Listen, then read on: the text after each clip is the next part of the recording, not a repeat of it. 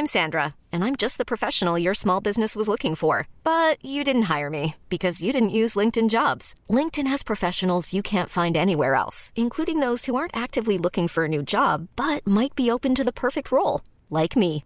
In a given month, over 70% of LinkedIn users don't visit other leading job sites. So if you're not looking on LinkedIn, you'll miss out on great candidates like Sandra. Start hiring professionals like a professional. Post your free job on linkedin.com/achieve slash achieve today.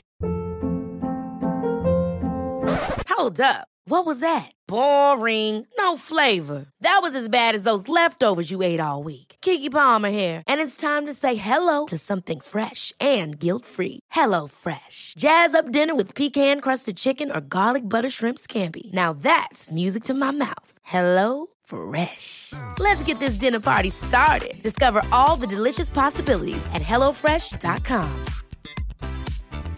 There's never been a faster or easier way to start your weight loss journey than with PlushCare. PlushCare accepts most insurance plans and gives you online access to board-certified physicians who can prescribe FDA-approved weight loss medications like Wigovi and Zepbound for those who qualify. Take charge of your health and speak with a board-certified physician about a weight loss plan that's right for you. Get started today at plushcare.com slash weight loss. That's plushcare.com slash weight loss. plushcare.com slash weight loss.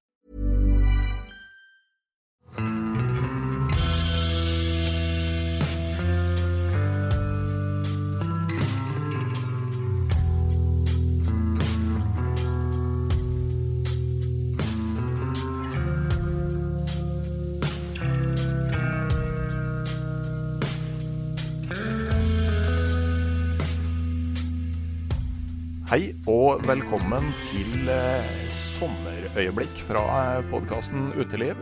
Mitt navn er Randulf Valle, og i dag er eh, gjesten Gry Folge, som jeg tidligere i vår hadde en lang og hyggelig prat med om lange fotturer i USA og turer langs pilegrimsleder i Portugal og eh, Spania. Men eh, i likhet eh, med de fleste av oss andre, så opplevde jo Gry at sommeren i 2020, den måtte få utspille seg i Norge.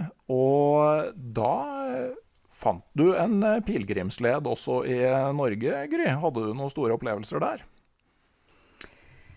Ja, det gjorde jeg.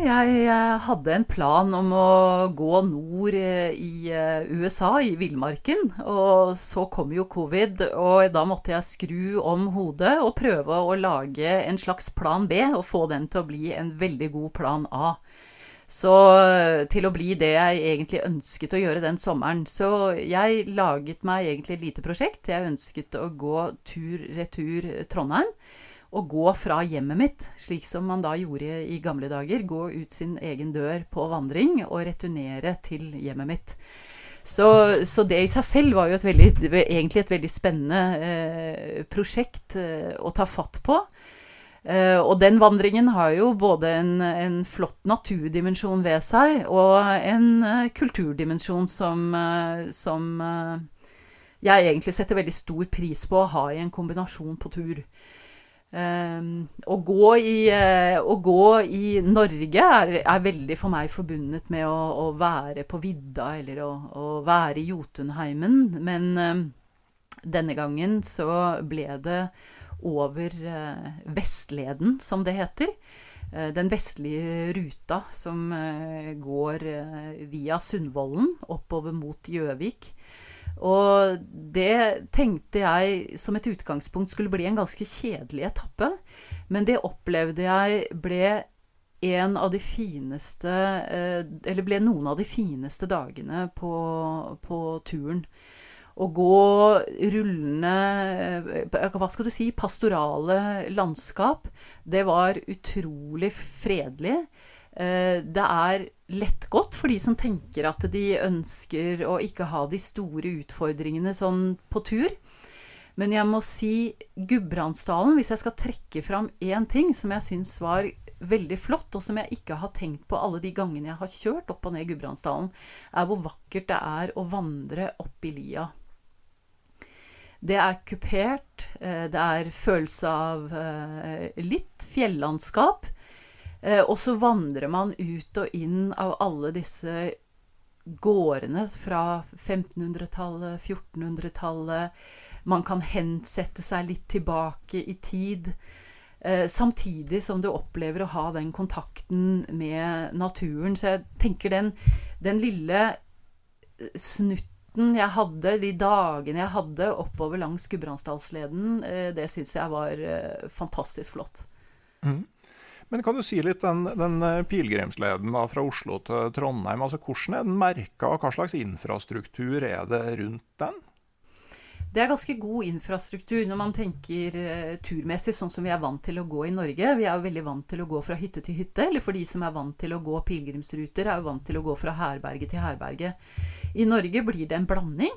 Altså du kan eh, bo eh, på campingplass, du kan bo på hoteller, du kan bo på, på ulike gårder som egentlig har gjort og lagt til rette for overnatting. Så man kan jo ta seg inn til en pilegrimspris og bo på loftet det gamle 1500-tallsloftet oppå Sygard Grytting f.eks. Eh, eller andre flotte gårder underveis. Og det gir en ekstra dimensjon, tenker jeg, til pilegrimsvandring her i, i, Norge fremfor for Spania. Så infrastrukturen er generelt sett god. Litt lengre etapper hvis man er vant til å gå i Spania og Portugal. Men ikke, eh, ikke uoverkommelig. Og det er også lagt opp til at er du glad i å sove i telt, Eh, eller du på en eller annen måte ikke ønsker å gå så langt som de etappene legger opp til, så kan man da eh, finne en fin plass, slå opp teltet sitt og, og sørge for å få det i overkommelige porsjoner. Mm. Jeg tenker jo Det med å starte fra Oslo, det var jo eh, Marius Nergård Pettersen. En kar som har veldig mye bra for seg. Han lagde jo ei bok med Oslos nære villmark, hvor han mm. dro på sånne turer på ja, to, tre, fire uker og starta alle sammen fra Oslo sentrum. Så det er jo noe med det å oppdage de områdene du normalt bare ville dra forbi på vei til tur òg. Mm. Og, og, det tenker jeg det, det, er steder jeg tror jeg ikke ville vandret i, da, som, som bor i Oslo. Det å legge ut uh, opp mot uh, Ankerveien, Haslum, gå over til Klaustua. Det har jeg jo egentlig gjort, kanskje. Altså, å gå over Krokskogen er jo en, en, del av denne turen, som jo er flott og fantastisk i seg selv. Um, det, det, tenker jeg det, det, var en veldig fin dimensjon. Å oppdage det som er, er, nært. Det tror jeg kanskje mange har gjort nå i løpet av covid. Aldri har vel så mange gått turer eh, i sitt nærmiljø som, som nå. Mm. Men eh, sånn eh, å, å, komme til Trondheim, da. Altså, det er jo vesentlig annerledes enn det var i gamle dager. Eh, da altså, Nidarosdomen må ha vært mye mer synlig da det stort sett bare var den. Men, men hvordan er liksom den siste biten? Den er, den er, den er fascinerende. og, og og den er fascinerende, egentlig, syns jeg, av mange, mange årsaker.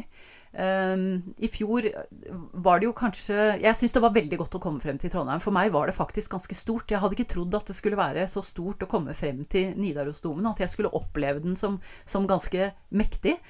Um, men å gå gjennom skauen uh, i det dårlige været Det var mye dårlig vær i fjor, så, som var så vått. Uh, det, var, det var ganske krevende. Det var, det var, så vått at jeg tenkte at det, dette området må være det eneste i Norge som har vertikale myrer. Det er, det, det er myr overalt. Det er, er, hengende haver av vann. og så kommer man til det som heter Sundet gård, som er eh, egentlig et av de siste stedene man kan overnatte. Eh, hvor man blir tatt imot som et slags eh, eh kongelig eh, herskap. Um, med både traktering og man blir rodd over sundet. Altså det, er, det er noe sånn veldig flott ja, den, over det. Mm. Den er helt nederst i gaula, ikke sant? At, ja. du, at du, blir rodd over, ja. uh, over, At du kan liksom bli henta over i båt. Ja. Og det er litt mm. det, det, det, tenker jeg, Dette er jo også litt historisk. Fergemannen Eh, nå kan vi jo egentlig bare ringe. Nå kan vi tekste til fergemannen og si at jeg kommer til å være der nede. Cirka sånn og slik. Eh, I gamle dager så var det jo oppsatt et Eller da, da, gikk den jo hele tiden. Fergemannen kjørte jo hele tiden. å og bli rodd over til sundet og få lov til å tørke opp, få en dusj. Det er et fantastisk vertskap. Og så gå den siste etappen inn til, eh, til Nidaros. Og man kommer jo over, over pynten, over kanten, eh, etter å ha gått opp i Bymarka. Og du ser Nidarosdomen allikevel, selv om den er litt gjemt der nede. Og så kommer den jo da nærmere og, og nærmere. Så det, det, å faktisk komme til, til Nidaros syns jeg var uh, flott. Mm. Ja, så er det litt artig å se sånn betydninga som den ruta har hatt historisk. Altså, vi har hytte oppe i Budal inn mot Forlogna. Mm. Uh, og ei av de rutene der kommer jo over uh, Forlogna og ned i, i, i Gauldalen der. Og, mm. og, der er det jo sånne gamle bygninger fordi at uh, Sånn som jeg forsto, så fikk jo gårdbrukere beskjed om å bygge husvære for pilegrimer, men fikk da skattefrihet eh, som en sånn eh, gjenytelse for det her. Da. Så det var liksom litt av et system man satte opp for å gjøre det mulig å gå til, til Hellig Olavs gravsted. Mm. Og, og, sånn var det vel kanskje også at uh, man uh, hadde i, uh, i, eldre tider at man skulle gi husly til færa folk. Og for pilegrimene så gikk de jo enten De gikk jo enten uh, botsvandring, altså som et alternativ til fengselsstraff, eller de hadde, de hadde, gjort seg skyldig i en kriminell handling og skulle gå botsvandring til Nidaros, eller man gikk av, av helbredelsesårsaker, eller, eller gikk i kombinasjon med at det var et religiøst mål. Så jeg tenker det, det, var nok en edel ehm, Det var nok en edel oppgave også. Man så på det kanskje som noe som var litt eh, ærefullt, å gi, gi husly til, eh, til, den gruppen vandrere da, som skilte seg fra andre færafolk. Ja, jeg så jeg leste en bok om Dovrefjell, at de hadde veldig sånn sterkt vern. Blant annet altså, hvis du ble funnet skyldig og drept en pilegrim, så ble du ikke begravd i vigsla jord. Mm. Så, det, det stemmer nok. Og, og, det så jeg jo fra disse dokumentene i, uh, i, som jeg fortalte om forrige gang, da jeg gikk den østlige ruta i Portugal også. Så var jo noe av de historiske kildene var jo nettopp rettssaker. Uh, hvor man hadde begått altså robberi, eller man hadde voldtatt pilegrimer, eller sto og, og, og, det ble sett på som veldig alvorlig. Mm. Så, men uh, samtidig, altså det, hvis noen uh, blar tilbake og hører den lange episoden vi hadde tidligere her i vår, så snakka vi jo en del om det at en lang sånn monoton tur, ikke sant, hvor alle dager er like, og du får ganske god tid med eget hode. At det, det er ikke sikkert det var så dum straff, da. Å bli dømt til å gå til Nidaros og hjem igjen. Mm. Og du kanskje kom større sjanse for at du kom hjem som et annet menneske da, enn om du ble lenka i et fangehull. Ja, jeg vil jo tro at, eh, at, rehabiliteringsperspektivet, hvis vi skal bruke de moderne ordene på det, kanskje er større. Når man får lov til å gå og, og, og tenke litt i ensom majestet. Og man skal jo ikke underslå den, eh, den fysiske komponenten i en, i en langtur heller. Så så, og, det, og det, mestringsfølelsen av å komme fram, den tror jeg veldig mange har, enten man går veldig mange kilometer per dag, eller du går litt kortere etapper. Så overkommer man jo kanskje litt seg selv, eller det er, det er jo noen utfordringer ved det som veldig mange setter pris på å mestre. Og det gjør jo noe med deg å være ute og gå hver dag. Eh, Kirkegård har jo sagt også 'jeg går meg til mine beste tanker'. Det frigjør jo kreativitet og energi. Det er definitivt. Og øh, jeg liker å trekke tråder mellom episoder. Og den aller første episoden av podkasten Uteliv, øh, den handla jo da om øh, boka 'Stiens historie'. Og det er fortsatt en av mine favoritter hvor vi da snakka litt om altså sånn, hvordan F.eks. bare en sånn ting når du prater i telefonen, så er det veldig lett å begynne å gå Eh, når, når, du fører en samtale. Altså det er noe med at eh, når du kobler fri føttene, så, eh, så, er det noe med tankene som må løpe lettere. Mm. Rytmen i det, tror jeg, bevegelsen. Kroppen henger jo, kropp og hode og sinn henger jo egentlig litt sammen. Mm. Men sånn praktisk, da, altså hvor mye tid trenger man hvis man har tenkt å gå fra Oslo til Trondheim langs pilegrimsleden? Man beregner 28 dager Men eh, det går helt fint an hvis man er sprek og har lyst til å gå litt lengre etapper, så går det helt fint an. Mm. Mm. Og hvor lang tid brukte du oppover? Jeg brukte 17 dager. Ja. Og så snudde du og begynte å gå hjem igjen? Så snudde jeg og begynte å gå hjem igjen, men den turen måtte jeg ta litt i eh, etapper fordi jeg fikk sykdom i, i familien. Så tilbakereisen har jeg, har jeg gjort i, i uh, to etapper. Mm. Da sier jeg tusen takk til Gry Folge, og samtidig takk for følget gjennom denne sommersesongen av podkasten Uteliv. En spesiell takk går til det digitale turlaget på Patrion. Det er av dere som støtter produksjonen av podkasten Uteliv gjennom et fast månedlig abonnement, at denne sommersesongen har blitt til. Om flere ønsker å bli Patrion, så er det sjølsagt velkomment. Du får da mulighet til å påvirke episodetema, eh, hva slags gjester jeg skal ha, og kan komme med forslag til konkrete spørsmål. Dessuten så får du tilgang til ekstrastoff knytta til episodetema, og til frittstående artikler fra mitt arkiv. Om to uker starter høstsesongen av podkasten Uteliv med ordinære episoder hver fredag helt fram til vi skriver desember. Inntil da så er det bare å nyte de aller siste sommerukene, så høres vi altså igjen på fredag 3. september. Ha det bra!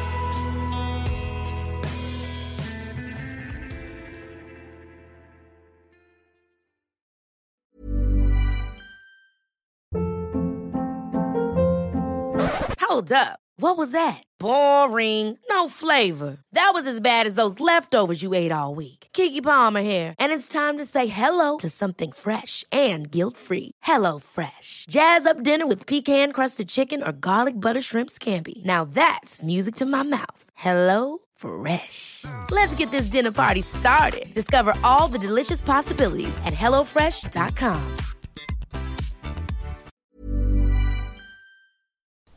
Hei, jeg heter Nore Helligsen og er daglig leder i Barents Outdoor. Det beste vi kan gjøre for planeten, er å redusere forbruket vårt og få mer ut av det utstyret vi allerede har. Men vi vet av erfaring at bruken av telt kan endre seg over tid. Det teltet du kjøpte for to år siden, passer kanskje ikke det behovet du har i dag.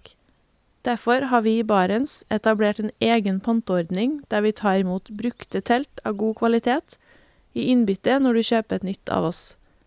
Prosessen er enkel. På barentsoutdoor.no gir det oss informasjon om teltet du vil bytte inn. Basert på det får du et tilbud fra oss som gir deg rabatt på ditt neste Barentsprodukt. Mer info og betingelser finner du på barentsoutdoor.no.